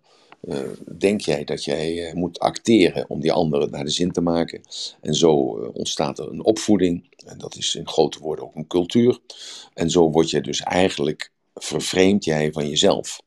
En de kunst is om weer bij jezelf te komen, en dat heet dat ontstreepje wikkelen, dus het wikkel afnemen, zodat je weer bij jezelf bent. En als je de authenticiteit hebt, wie jij behoort te zijn, wie je bent, in oorsprong, dan heb jij die vitaliteit, heb je cadeau gekregen. Dus het is hard werken, mentaal, om die vitaliteit te kunnen krijgen en eh, te kunnen houden. Omdat weer heel veel mensen zullen, hun moeite zullen doen om die vitaliteit bij je af te pakken. Je hebt nog nooit een kind meegemaakt. Nou, Kijk maar om je heen. Kijk maar naar je neefjes, je nichtjes of naar je kleine kinderen. Je hebt nog nooit een kind meegemaakt onder de 4, 5 jaar die niet vitaal was. Noem mij maar één kind op. Die is er niet. Zelfs kinderen die in het ziekenhuis liggen, zelfs die vreselijke ziektes hebben, die kinderen zijn nog vitaal. Noem mij maar één kind op die het eh, niet heeft. Nou, die, die, die zijn er niet. Nee, Maar die klopt. kinderen, ja. En dus dat is een natuurlijk zijn. Dat, dat is iets natuurlijks, is je geboorterecht. En dat geboorterecht wordt je afgenomen. En dat laat jij je afnemen omdat je dat niet weet. Want je denkt dat het zo hoort. Je denkt dat, het, dat je niet kinderlijk mag blijven. Dat je niet enthousiast mag blijven. Dat je niet onbevooroordeeld mag blijven. Dat wordt je afgenomen. Door de conditionering. En dat ontwikkelingsproces, dat bewustzijnswordingsproces, daarom heet ik ook een bewustzijnsverruimer. Als je het bewustzijn verruimt, door al de verhalen aan te horen en daarover na te denken, en door al de technieken te beluisteren en dat te proberen om dat te doen, om dat op te schrijven, dat in bepaalde volgordes of niet in volgordes, gewoon om daarmee bezig te zijn, dan kom je in een ander gebied. Dan kom je in het gebied van jezelf. En als je in het gebied van jezelf bent, dan krijg je die vitaliteit cadeau. En dan, eh, ja, dan heb je dat gewoon. En dan is die gezondheid is ook een keuze. Want het lichaam en geest zijn onlosmakelijk met elkaar verbonden. Dat is de pathofysionomie. Dat ook al eerder over gehad. Dat je aan de buitenkant altijd kunt zien wat aan de binnenkant niet functioneert. Wat niet functioneert. En eh, als het wel functioneert, ja, dus als het optimaal is, dan zie je dat aan de buitenkant niet. Want dan heb je een normale uitstraling. Maar functioneert er dus iets abnormaals, dan eh, zie je dat aan de buitenkant. En eh, ja, dat is body logic. En iedereen die daar nuchter over nadenkt, die weet dat ik gelijk heb. Want altijd als jij je niet goed voelt, hè, of je hebt een ziektebeeld, je kunt auto-immuunziekte hebben, of je kunt eh, altijd verkou of eh, vaak verkouden zijn, of kortademig zijn, of ja, noem maar allemaal maar op. Dan is er altijd een lichamelijk iets aan de buitenkant die dat verraadt. Of als je maagzuur hebt, of als je longpijn hebt of hoofdpijn hebt, dan is er altijd iets aan de buitenkant wat jou verraadt. En eh, dat weet misschien iemand anders niet, maar jij weet dat wel. Omdat het altijd gelinkt is aan iets. Dat kan zijn, eh, Sas noemde dat de vorige keer, dat je, als je ongesteld moet worden, dat dat altijd zwaar is. Dat zegt iets over wie jij bent. Dat zegt Ja. iets over eh, je innerlijke staat. Hè? En dat zegt ook iets over het ziektebeeld wat je bij je draagt. Zo, dus eh, dat draag je bij je en dat, eh, als je dat niet weet, als je dat niet ontdekt, dan ga je daaraan, dan sterf je daaraan. En dat is die trits die ik vertel, altijd focus is denken, eh, denken is stemming, stemming is gedrag. Gedrag is positief of negatief. Je doet alles om dat positieve te krijgen en dat negatieve te vermijden. Dat verwoordt tot een gewoonte. En die gewoonte verwoordt tot jouw karakter. Karakter is niets anders dan dat het vastgeslepen is op de platen bovenin je hoofd. En dat bepaalt je noodlot. Een noodlot is dus onoverkomelijk. Dat gaat gewoon gebeuren. Totdat je wakker wordt. En wakker worden wil niet zeggen dat je s'morgens wakker wordt, maar dat wil zeggen dat je eh, ja, je geest wakker wordt. Dus dat is iets anders als je, als je mentale iets. Het is het goddelijk oog, het oog, het derde oog, wa- wakker wordt. En dat je inziet dat je aan jezelf moet werken. En eh, dat is natuurlijk vandaag de dag is dat heel normaal. Dat is niet normaal. Dat heeft te maken met de welvaart, dat we de tijd daarvoor hebben, dat we daar ook tijd voor kunnen maken. En daardoor ontstaat er ook een hele industrie. En in die industrie eh, heeft iedereen dan weer eh, zijn werk te doen. Maar dat heeft uiteindelijk allemaal ten doel om dat derde oog te openen, waardoor je dus in jezelf kunt kijken. Want er is geen guru buiten jou, als alleen maar de guru in jou. En daar moet je dus uiteindelijk kijken. Dus dat even over vitaliteit. Zijn hier vragen over? Annemarie Marleen, hebben jullie vragen? Ik heb eh, momenteel geen vraag. Ik vind het heel mooi eh, geformuleerd. Heel Is het mooi. niet te veel wishy-washy? Want het gaat er Nee. natuurlijk wel om dat het toepasbaar is. Hè? Dat vind ik altijd wel een van de belangrijke dingen. Ik heb net even een stuk geschreven voor het seminar op 27 eh, november. en eh, ik heb dat vier keer herschreven. En eh, ja, ik zat elke keer met die Engelse teksten, zat ik elke keer. En toen dacht ik bij mezelf, ja, er mag ook best wel een Engelse tekst in zitten. En het is altijd zo moeilijk als je, dus net zoals ik dat wel zeg, een denkanstoos. Ja, wat is nou een, goed woord, eh denkanstoos? Zo, dat, dat iets stoten denken aan. Ja, dat is natuurlijk geen Nederlands. Dus hoe vertaal je nou denkanstoos? Hè, zo, dat is personal power. Ja, hoe vertaal je nou personal power? Persoonlijke kracht. Ja, ja daar word ik niet eh, warm van. Dus personal power, dus ik heb het gewoon laten staan, personal power laten staan. En eh, zo heb ik eh, wat andere. Dus daar, daar zat ik vandaag eigenlijk een beetje, of vanavond, eh, mee te werken, te stoeien. Toen dacht ik, ja, ik moet ook die juiste toon hebben om dat, om dat duidelijk te maken wat je doet. En dan, als je dat dan loslaat, omdat het bij me past, dan komt het vanzelf. En daarvoor had ik net een aantal uren weer allerlei dingen moeten bestuderen. Mijn ex die was, eh, begint weer een rechtszaak en ik kreeg weer allemaal lappen tekst. En eh, ja, dan moet ik mijn focus veranderen de, het belang van mijn zoon. Ik moet het herkaderen. Moet ik het zien dat ik het blij vind, dat ik nog zoveel aandacht van haar krijg. En ik heb haar een eh, briefje teruggestuurd. Naar aanleiding van eh, die hele eh, dagvaardingen weer. Zo van, je houdt nog steeds van mij. Dat mag je dan ook zeggen. Want dan krijg je echte aandacht. En als je nu gewoon maar vervelende dingen blijft doen. Om mijn aandacht te krijgen. Ja, dan krijg je hem ook. Want daarom krijg je deze brief. Nou, dus ehm, ja, je krijgt altijd uiteindelijk datgene wat je wilt hebben. Dus vitaliteit is een keuze. En is dus vanuit die keuze is het een instelling. En ik heb er een aantal verhalen omheen verteld. eh, bijvoorbeeld van meneer Cor Zadelhoff. ik hoop dat jullie allemaal de naam Cor Zadelhoff kennen. Dat is een eh, grote, hele grote man. Hij is ook- hij is ook groot. Hij is 2,5 meter vijf, geloof ik. Hij is ook groot, hele grote handen. En, eh, maar hij is meneer Zadelhoff. En anders google hem maar eventjes. En dan wordt het duidelijk wat een tycoon hij is. En ik weet nog wel dat ik bij Linda de Mol was. De eerste keer, toen was ik nog geen bekende Nederlander. Mocht ik haar ook interviewen. En eh, hoe zij nou tot zover gekomen was. En eh, ja, heel interessant verhaal. Dat had ze nog te danken aan haar broer. Want haar broer had dat in haar gezien. Terwijl zij dat zelf niet gezien had, want zij wilde een rustig leventje leiden. En eh, toen haar broer dat ontdekt had en hij haar voor de camera gesleurd had, want ze is eh, ook nog een beetje verlegen, hoe raar dat ook mogen klinken, en bescheiden. Heel bescheiden meisje, heel bescheiden vrouwtje. Hele lieve, lieve, lieve vrouw ook. En, eh, en toen voor, ze stond, voor de camera stond, toen, ja, haar broer had het juiste gezien in haar. En daardoor ontvlamde zij, ontwaakte zij. Zo, en eh, met Kruif hetzelfde laken en pak, alleen niemand heeft dat tegen hem hoeven te zeggen.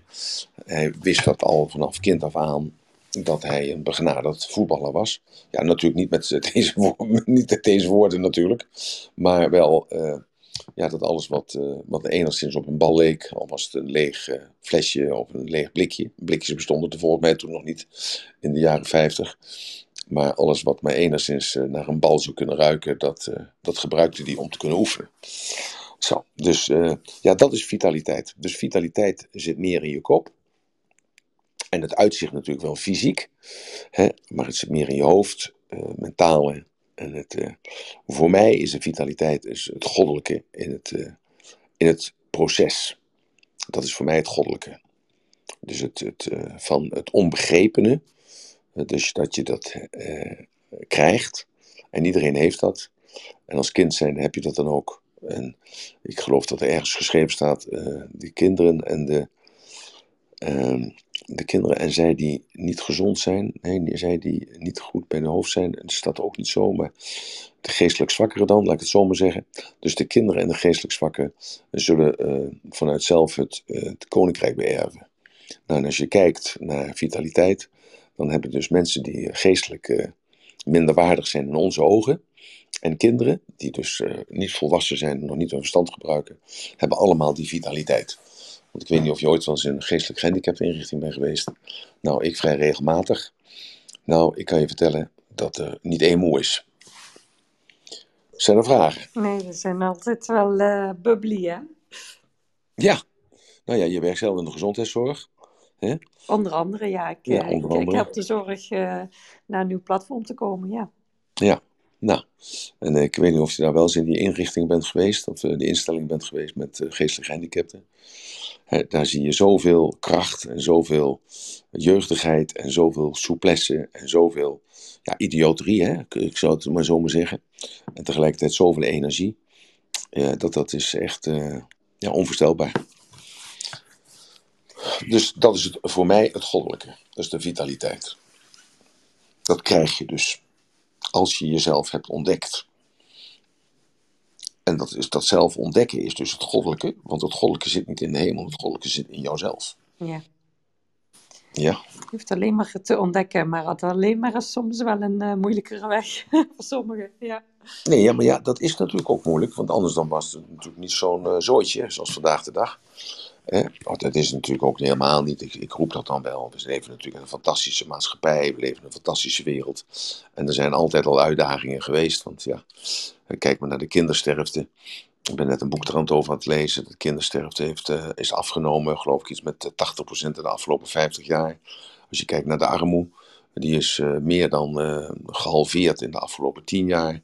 Als je kijkt naar de bereikbaarheid van mensen, dus dan door middel van eh, telefoons en dergelijke, dat is geloof ik iets van, eh van 90% van de wereldbevolking heeft zo'n ding onder de arm en eh, is dus te bereiken. En in Afrika doen ze hele andere dingen mee als eh, wij hier in Nederland. Ze kunnen daarmee de welvaart verhogen, omdat ze daarmee kunnen handelen. Ze kunnen verkopen en kopen. En ze kunnen daarmee communiceren over grotere afstanden. Ja, dus eh, we gaan er met z'n allen, qua mensheid, gaan wij daar op vooruit. Ik denk vaak aan de gebroeders Das. Eh, de ene Das was een vriendje van mij, die woonde in Arnhem. Zijn andere broer, die woonde, een eigen tweeling, die woonde in Cannes. en eh, die spraken elkaar 's ochtends vroeg. En die zeiden dan, oké, waar gaan we over tekenen? Wat gaan we schrijven? Nou, en dan spraken ze af, we, gaan een sta- station eh, bouwen of tekenen, zoals het vandaag over 200 jaar zal zijn. Of we gaan een auto bouwen, of vandaag over 200 jaar. Of we gaan een weg, eh, eh, gaan we tekenen vandaag over 150 jaar. Of een huis, of een kasteel, of een centrale, of ja, maakt niet uit. En dan spraken ze af, de ene begon linksonder en de andere begon rechtsboven. En dan s'avonds, stuurden ze het per fax naar elkaar toe. En dan sloot het zo exact op elkaar aan. En ja, Dat dus dat is een- zo Ja. fantastisch als je dat ziet. en ik, eh, ik, ik heb alles opgeborgen in boeken. Ik moet eh, door middel van die documentaire ook straks eh, al mijn boeken uit gaan pakken. En ik verheug me alleen al dat ik dat boek weer van die gebroeders Das weer te pakken krijg. Want ik moet elke keer aan hen denken als ik nu een Volkswagen, zo'n elektrische Volkswagen voorbij zie komen. Want die lijkt dus gewoon sprekend op die, op die tekeningen van die gebroeders Das. En eh, zij eh, schreven toen al, en praten dus in de jaren, in de jaren 60, hadden ze het al over die auto's die als een soort ketting hè, op afstand bestuurd eh, achter elkaar aanreden. En er was dan al, je hoefde zelf niet achter het stuur te zitten, want die auto had geen stuur. Want door middel van spraak ging die auto links of rechtsaf en er zat een machientje in. hè, een soort modu- module zat erin, eh, waarin je dus kon zeggen van ik wil naar huis of ik wil naar mijn werk. En dan bracht die auto jou vanzelf op een veilige manier naar die, eh, naar die plaats toe. Die zette je af eh, voor het kantoor. En dan zette die auto zichzelf weg. Eh, die parkeerde zichzelf in de parkeergarage. En dan riep je hem op om een bepaald tijdstip. En dan kwam die uit de parkeergarage. Nou, dus dat is eh, eh, 60 jaar geleden. En toen de tijd werden ze echt voor gek versleten. En nu alles wat ze toen zeiden, ja, dat is nu al werkelijkheid. Kun je je voorstellen. Hè? Ja, dat is inderdaad bizar wat mensen al hebben bedacht. Wat er Ja. ooit in de toekomst zou zijn. En waar iedereen Ja. in hun tijd van zeiden van, nou, dat, Ja. dat gaat echt niet gebeuren dat er gewoon is. Zo, en, en die mensen hadden natuurlijk een lijntje. Hè, als ik dat, daarom is het zo interessant om het, het niet tweeledig, maar eh 75-ledig, om dit te vertellen. Hè, dat, eh, dus dus kunt wel, dus niet twee uitlegvatbaar, maar het is wel voor 75 manieren uitlegbaar. Dat ze dus met elkaar eh, afspraken begaan dat tekenen. En jij begint linksonder en ik begin rechtsboven of omgekeerd. En eh, dat dus s'avonds dat naast elkaar gelegd werd en eh, dat het klopte. Dat het precies zo naadloos aan elkaar paste. En dan kun je denken bij jezelf, ja, eh, hoe zit het dan met eh, onze hersenen? nou ja, wetenschappers weten dat we maximaal 3% van onze hersenen gebruiken. Misschien gebruikten zij eh, 6% van hun hersenen. En daardoor konden ze, ja, zonder wat te zeggen of zonder wat te zien, konden ze toch met elkaar praten. En konden ze toch van elkaar zien waar ze naartoe moesten werken. Ja, daar En- zijn wel meer voorbeelden van ook. Hè? Ja. Er zijn ook Ja. eh, op, op eh, verschillende scholen eh, voor kinderen bijvoorbeeld die lezen zonder hun ogen te gebruiken. Ja, heb ik ook Dus er gehoord. zijn Ja, eh, echt hele mooie voorbeelden van dat je Ja. op andere manier, op andere niveaus eh, kunt communiceren en dus Ja. kunt dus zien wat in dat boek staat, wat je dan voor je hebt liggen terwijl je geblinddoekt bent. ja, ja. ja, klopt. Ik heb er vaker van gehoord. Zo, dus Ja. eh, dat is vitaliteit. Dus vitaliteit is jezelf zijn en jezelf, ja, dus niet durven te zijn, want dat past dan helemaal niet. Je bent gewoon jezelf. En alles wat in jou zit, komt tot volle bloei. Omdat dat dus zich kan wentelen in dat eh, goddelijke licht. Ik, sorry dat ik dat maar elke keer zo noem, dat goddelijke licht. Niet dat ik elke week in de kerk zit hoor. Ik kom, ik kom eigenlijk nooit in de kerk. Maar ik kan dit niet genoeg van de daken afroepen. eh, omdat er natuurlijk heel veel van ons zijn die nergens in geloven. En als ze dat, dat nog maar in overweging willen nemen. En misschien eens een keer af en toe die bril op willen zetten. Dat ze dan toch tot inzicht komt van ja, er is toch iets, eh, een superwezen. Of ja, hoe je dat ook wilt zien, maakt ook niet uit. Er is iets wat sturend element is in ons bestaan. En eh, ja, dat is eh, belangrijk. En dat is vitaliteit. nou, moeten we het nog over gezondheid hebben? Of zullen we het daar morgen over hebben? Want dat is ook belangrijk natuurlijk. wat zou jij denken? Wat zou je mooi vinden als aansluiting hierop? Ehm, ja, ik, ik, ik eh, ben er eigenlijk wel van, ehm, van onder de indruk eh, wat Emiel zegt over dat goddelijke li- licht. Omdat ik was net aan het denken, ehm, hè, dan gaat het over het potentieel van iemand. Hè? Dus eh, Mhm. dat wij eigenlijk wel heel veel potentieel in ons hebben, maar dat dat gewoon ehm, vaak niet. Als je er zelf niet in gelooft dat je zoveel potentieel hebt, komt het ook moeilijk eruit, bijvoorbeeld. En ik, ik, ik, ik denk dan wel allee, in het geloof dat dat inderdaad een heel mooi voorbeeld is omdat daar wel altijd, hè, we zijn naar het evenbeeld van God gecreëerd, om het zo te zeggen. Dus er is heel veel potentie of potentieel aanwezig. Nou, maar dat, kijk, dat, dat ongelimiteerde potentieel hoeft niet alleen in jouw hoofd te zitten, maar je hebt natuurlijk ook toegang tot het eh, collectief bewustzijn. Eh, en als voorbeeld daarvan is eigenlijk het beste voorbeeld te noemen eigenlijk dat je, eh, er wordt, wordt iets nieuws uitgevonden. En ik noem even iets in de jaren 80, was dat Tony Buzan met mindmappen. En hij gaf daar cursussen over in Amerika. Ik ben toen naar Amerika gevlogen om die cursus te volgen. Eh, dat was voor Tony, ja, dat was de jaren 80. Voor, ja, dat was eind jaren 70, begin jaren 80.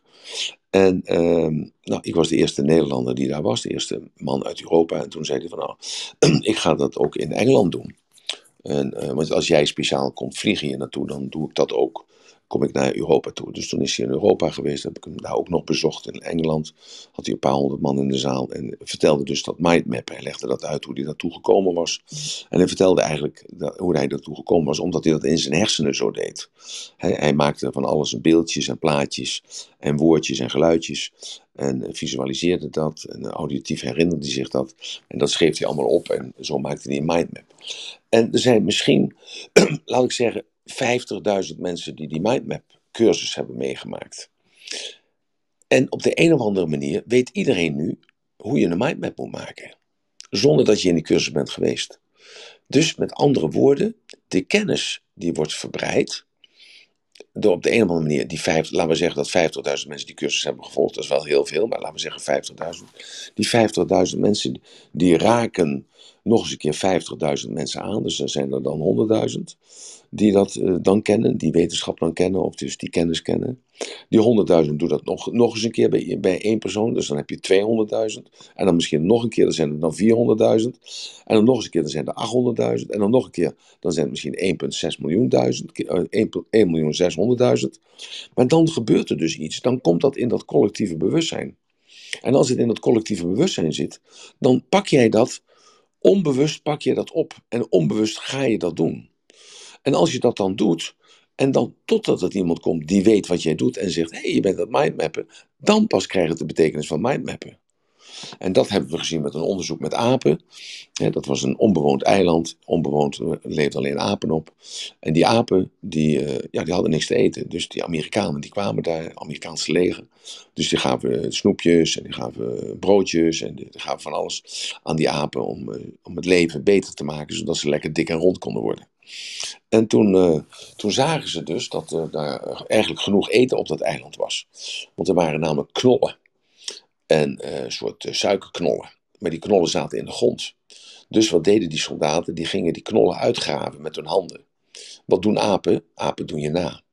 Maar die knollen, die brachten die, die soldaten, die wilden ze, moesten ze eerst schoonmaken. Dus die brachten die knollen naar de rivier. Naar het beekje, naar het water, naar het meer wat er was op dat eiland. Dus het beetje zoete water wat er was. En eh, brachten dus die knollen daar naartoe, ma maakten die schoon en lieten die knollen toen liggen, zodat die apen dat op konden eten. Wat gebeurde er? Die apen kregen honger. En die apen gingen dus, nadat al die uh, knollen op waren, de volgende dag, dachten ze, wacht eventjes, wat hebben we gisteren geleerd van die Amerikanen? He, dat, zeiden ze natuurlijk niet tegen elkaar, maar dat maak ik er natuurlijk van. Dus ze zeiden tegen elkaar, nou, we gaan datzelfde doen wat die Amerikanen gisteren gedaan hebben, we gaan de knollen opgraven. En ze gingen die knollen opgraven, en ze brachten die knollen naar het water, ze gingen het schoonmaken, en daarna gingen ze knollen opeten. En wat gebeurde er nu? Dat, dat duurde dus een aantal weken, een aantal maanden.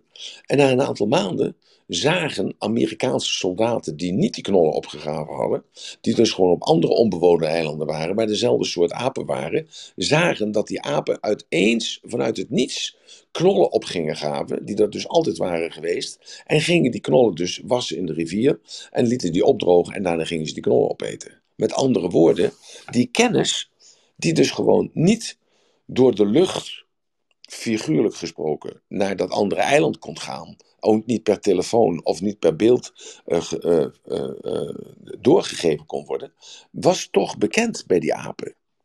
Zo, en daar moet je nou eens over nadenken. Hè? Hoe dat kan, dat dus op een zeker moment NLP wordt gebracht naar Nederland. Ik heb dat naar Amerika, naar Nederland gebracht vanuit Amerika. ik heb denk ik iets van 500.000, 600.000 man in de zaal gehad. En nu is de hele wereld die kent NLP. En iedereen past NLP toe. Zo, dus met andere woorden, er is eens maar een bepaald kritische massa nodig om dus die kennis, die nieuwe kennis, dat nieuwe abstracte verhaal te leren kennen, te leren gebruiken. En dan komt dat in dat, in dat collectieve bewustzijn. En dat collectieve bewustzijn heb jij, Marleen, ook toegang toe. Dus zonder dat je dat weet, tap je daaruit. En dat is het ongelimiteerde potentieel wat je hebt.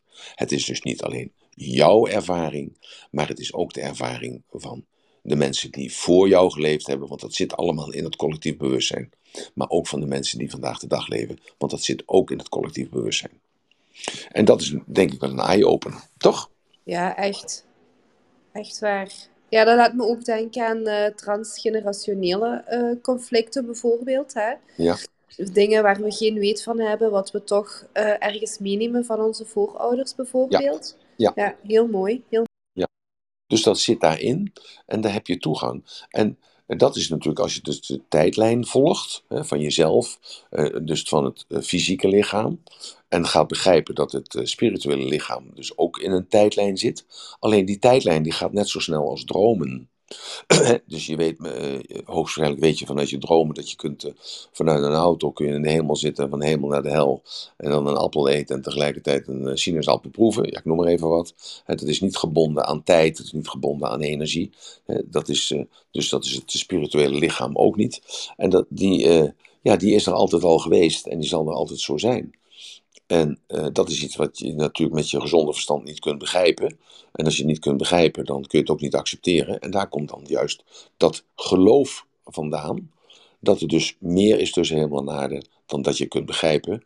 En dat je dat kunt geloven dat dat er is. En op dat moment, als je dat gelooft, dat er meer is tussen hemel en dan datgene wat je kunt zien of horen, voelen, ruiken of proeven. Ja, dan weet je het en dan zie je het ook. En dat is nou zo mooi aan die man in uh, de eind 1800, dat hij dus naar die zalm keek en dus zich afvroeg, hoe kan het nou dat die zalm die waterval opklimt, zonder met touw of zonder spikes, maar gewoon maar omhoog klimt in dat water zelf. Dus in het water wat neergutst, zit een opwaartse kracht waarin die zalm zich kan voortbewegen. Denk daar maar eens over na. Dus in de neergaande kracht zit tegelijkertijd de opwaartse energie, waardoor de zalm zich voor naar boven kan bewegen. Nou, dat had zomaar eens een ratelbandje kunnen zijn, Emiel. dat zou maar een ratelbandje kunnen zijn, ja. ja. Nou, waar wil jij een ratelbandje horen? Nee, ik vraag het in de zaal, dat vind ik veel leuker. Heidi, waar zou jij een ratelbandje voor willen gebruiken of willen hebben? Ik vind dat er echt wel een goede. Ik ga dat voortaan vragen in de zaal, in de room, of er iemand is. Hè? Dus en als er niemand is, dan vraag ik dat. En Heidi, als je dat niet wil zeggen, is dat oké. Als je lekker bescheiden wilt blijven. Ik hou net zoveel van jou als je bescheiden bent of dat je assertief bent. Dat is goed. En dan zou ik dat willen vragen aan Mark, geschreven met een C. Mark, heb jij een bepaald onderwerp waarvoor jij graag een ratelbandje zou willen horen? Misschien een uitdaging, misschien iets uh, waar je morgen mee te maken hebt, waarvan je denkt van ja, ik heb daar misschien toch misschien nog een ander inzicht voor nodig of zo. Een stukje inspiratie. Uh, Mooi, Mark. Ja, ja weet maar nooit. Bent. Hi, goeie, goedenavond. Hey Mark. Goedenavond. Ja, ja ik Mark. zit uh, vaak mee te luisteren, uh, meestal in de auto als ik uh, onderweg ben. Maar vanavond heb ik even rustig de tijd om om uh, even te ontspannen en even goed uh, te luisteren naar de hele serie. Um, ja, ik vind het, vind het altijd heel interessant uh, deze thema's allemaal te horen. Um, mijn vrouw is twee weken geleden in Nederland geweest bij het seminar. En die heeft daar echt heel veel aan gehad. Dus Emiel, hartelijk bedankt daarvoor. dat is Maruska, Maruska overigens. ja, ja, ja, ik begrijp het. Ik, ik, herken je stem, want je hebt, ik heb je nog even gehoord. Uh, maar ik wist niet dat jij het was, nu ik je foto zie. Ja. ik heb je nog even je stem gehoord toen. Uh, ja, ik, was dat, dat was zo in, in een van de rooms, was dat geloof ik, hè? Ja, ja. zou kunnen. Ik ben ja, één keer s morgens heel eventjes erbij geweest. Maar ja, ja, ik heb een hele drukke baan, dus ik heb meestal geen tijd. Ja. En vandaar dat ik het erg prettig vind om s'avonds even mee te luisteren. Ja, ja super ja, dat is het eigenlijk. en, en, zou je iets, uh, iets willen hebben, een, een, moment om reflectie, om over na te denken, of iets waar je morgen misschien uh, ja, niet tegenaan loopt, of niet als probleem ziet, maar uh, ja, dat je zegt van.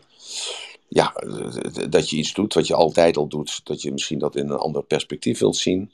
Mm. -hmm. dat, je, dat ik daar een ratelbandje voor maak, speciaal voor jou. En dat Nou, ook dan wat- natuurlijk dan. Ja, Ja, wat, wat ik interessant vind, ehm, zoals je weet wonen wij in Spanje. Ja. En eh, wat hier heel gewoon is, is een, eh, tussen de middag een, een siesta te houden. Dat betekent dat we meestal eh, zo'n tien, tien minuten, een kwartiertje eventjes gaan liggen. En eventjes tot rust komen van, van de middag naar, het, naar de lunch. En dat, ja, dat, dat tref je in andere landen totaal niet aan. En als ik dat wel eens eh, tegen, tegen klanten zeg van, eh, goh, ja, onze, onze toko is dicht eh, tussen de middag, tussen half twee en half vier. Daar staan ze je heel raar aan te kijken, maar dat is, ja, dat is hier heel gewoon. Ja. Hoe sta jij daar tegenover? Nou, ik denk dat het heel wijs is. Want namelijk, het is na de lunch. En in eh, Spanje is de lunch eh, behoorlijk zwaar. Vergeleken met de lunch in Nederland. Of eh, vergeleken met de lunch in Ierland of in Duitsland. Ja. En dan eventjes dat half uurtje te pakken voor jezelf. Is juist een hele goede fysieke ontspanning. Want verteren is een van de grootste energievreters die er is. Naast de spijt. Spijt is de grootste energievreter. En daarna komt verteren het mechanisme verteren. Dus dat ze dat eh, hebben ontdekt of hebben ontwikkeld of hebben, ja, gewoon eh, hebben gedaan. Dat is een, een teken van wijsheid en een teken van, eh, ja, van inzicht hoe, de, hoe het lichamelijk werkt. Daarom is het ook ja, eigenlijk verstandig voor mensen om een powernap te nemen. En ik noem het een alfaatje. Ja, nou, dat is dus wat ik iedere dag doe. Ja, oké, goed. Nou, Ja. ja, ja, dat geeft gewoon heel veel kracht. Eh, want dus ik denk, ik ben, eh, ben bakker geweest vroeger. Hè? Mhm. En eh, ja, ik sliep dan ook in stukken. En dat was dus dan eigenlijk altijd in, in stukken van anderhalf uur, twee uur. en daarna moest ik er weer tegenaan. En dat heb ik mijn eigen gemaakt en daarom slaap ik vier, vijf uur per nacht. Ja. En als ik dan overdag, bijvoorbeeld gisteren heb ik geloof ik een kleine duizend kilometer gereden. Ik, van Arnhem, nou ja, het maakt niet uit hoe ik gereden ben, maar in ieder geval een kleine duizend kilometer gereden. En dan dacht ik toch wel even op een zeker moment, toen ik terugreed, vlak voordat ik in Arnhem terug was, moest even via Arnhem rijden. eh, toen dacht ik, ja, op een gegeven moment dan moet ik even oppassen. Want ik moet toch even, eh, eh, wel even bij de les blijven, zo direct als ik dat pand inga. En, dus ik heb even een, een alfaatje genomen van 10 minuten en dan ben je weer helemaal fris en fruitig. Ja. En ja, dan is, voor mij staat dat gelijk aan twee uur slaap.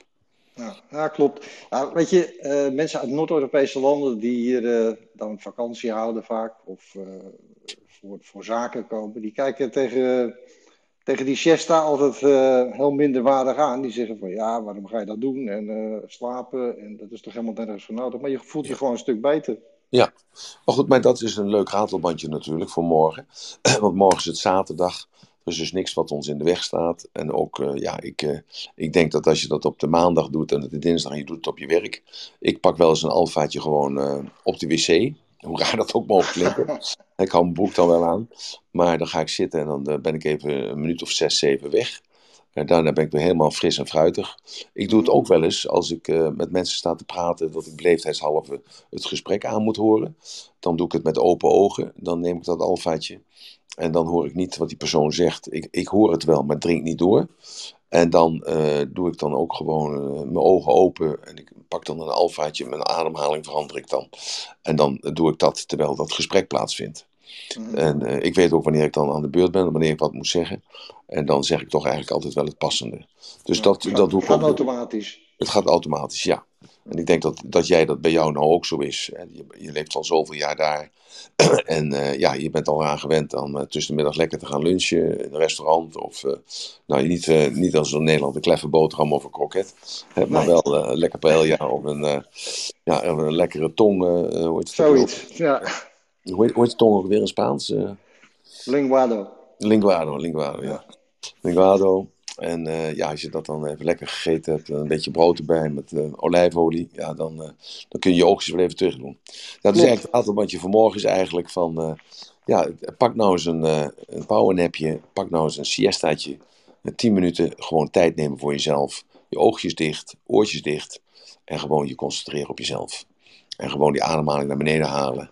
En rustig ademen, heel rustig ademen, heel rustig ademen. En als je dat rustig ademen doet, dan kom je even in een soort trance. Die frequentie die zakt dan naar alfa. En dan ben je even in het gebied tussen iets en niets. En als je in dat gebied bent tussen iets en niets, ja, dan uh, ben je toch uh, wel bij het iets. Maar ondertussen voel jij niets. En dat geeft juist een opperste staat van ontspanning. Dus dat is eigenlijk het ratelbandje naar aanleiding van de toevoeging van Mark. Dankjewel Mark dat je naar boven kwam. En dat je even het woord genomen hebt. En morgen een mooie, mooie avond hè, met, het, met je mooie lieve meisje. En ik moet even nog de complimenten maken en even heel hartelijk dank zeggen van uh, Romana. Die was helemaal ondaan dat ze zo'n mooi cadeau kreeg, mooi cadeaus kreeg van jouw lieve vrouw. Eh, Maruska, dat ze eraan gedacht had dat ze jarig was. En ze was helemaal ondaan. En, uh, ja, die is altijd zeer attent. Ja, maar dit is meer als attent. Dit is uh, voor mij uh, werkelijke liefde en werkelijke betrokkenheid. Emiel, wat lief. Ja, hoezo wat lief? Ja, maar het is toch zo. Want ik, ik heb haar gefeliciteerd vandaag met haar verjaardag. en ze was helemaal ondaan. Dat ze dus zo verwend was door jou. En ik, maar ik, ik was daar ook door, door ondaan. Ik was daar ook door ondaan. Omdat je gewoon, ik je nu uh, wel heb leren kennen. twee weken geleden. En weet wat voor een gouden giet je bent met een gouden hart. Ja, gewoon fantastisch. Dus, nee. dus de markt komt uh, niet bij toeval boven, want het gebeurt niet bij toeval. Het wordt toch altijd weer gestuurd. Dus ik denk bij mezelf, ik stap even over mijn verlegenheid heen en mijn beperkte woordkeus wil ik je dan toch bedanken voor dat hele lieve, lieve, lieve gebaar met zoveel liefde gegeven aan haar. En uh, het helpt haar heel erg goed. Het gaat ook heel goed met haar. Uh, dus jullie weten allemaal die uh, in de room, die toen bij het seminar geweest zijn, hebben haar verhaal gehoord. Jullie weten ook dat zij uh, onder behandeling was, dat zij opgenomen moest worden. Maar de psycholoog heeft gisteren tegen haar gezegd dat er eigenlijk geen reden meer is om iets te doen met haar, omdat het heel goed met haar gaat en dat alle klachten weg zijn. Dat wil ik nog even zeggen. Ik wil even één ding zeggen, Emma. Mm -hmm. Je hebt mij heel erg blij, mee, blij gemaakt. En uh, wij zijn blij dat wij kunnen haar blij maken. Ja. Als je er gelukkig uh, door gevoel, gewoon door. Ik ben me niet te verstaan nu.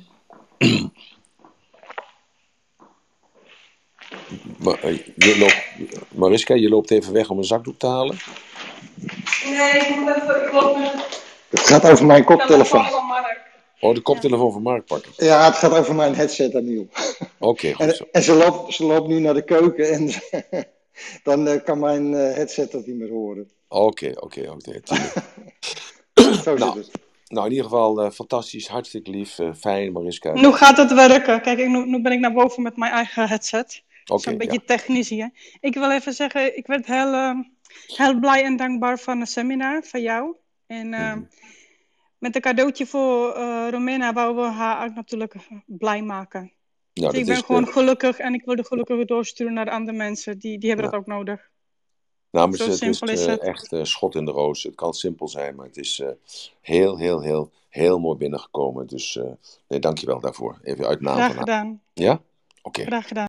Goed, nou, ik heb mijn ratelbandje gedaan. Dankzij Mark voor deze inspiratie. Maroeska, dankjewel dat je nog, nog even op het podium gekomen bent. Jullie allemaal, dankjewel. Waar gaan we het morgen over hebben? Ja, goede vraag. Morgen is zaterdag. Zaterdagavond half negen. Wat gaan, waar gaan we het over hebben? Nou, we kunnen het morgenavond ook eens even hebben. Moeten we de avond doorzetten of moeten we ermee kappen? Of eh, moeten we, hè, volgende week gaan we naar de ochtend toe weer. Eh, moeten we die, ik hoor Mark net zeggen, ik vind het toch wel fijn dat het s'avonds is, tenminste de tijd. Daar moeten we ook nog een, eh, misschien een open discussie over voeren, of een open gesprek over voeren. Zouden we misschien morgen ook kunnen doen. Eh, en van daaruit kunnen we dan inhoud geven op een, eh, op een andere wijze. Hè? Nou, Ja. Vinden jullie dat fijn? Marleen, Mark, jullie zijn er niet natuurlijk. Vinden jullie het fijn om het daar eens over te hebben?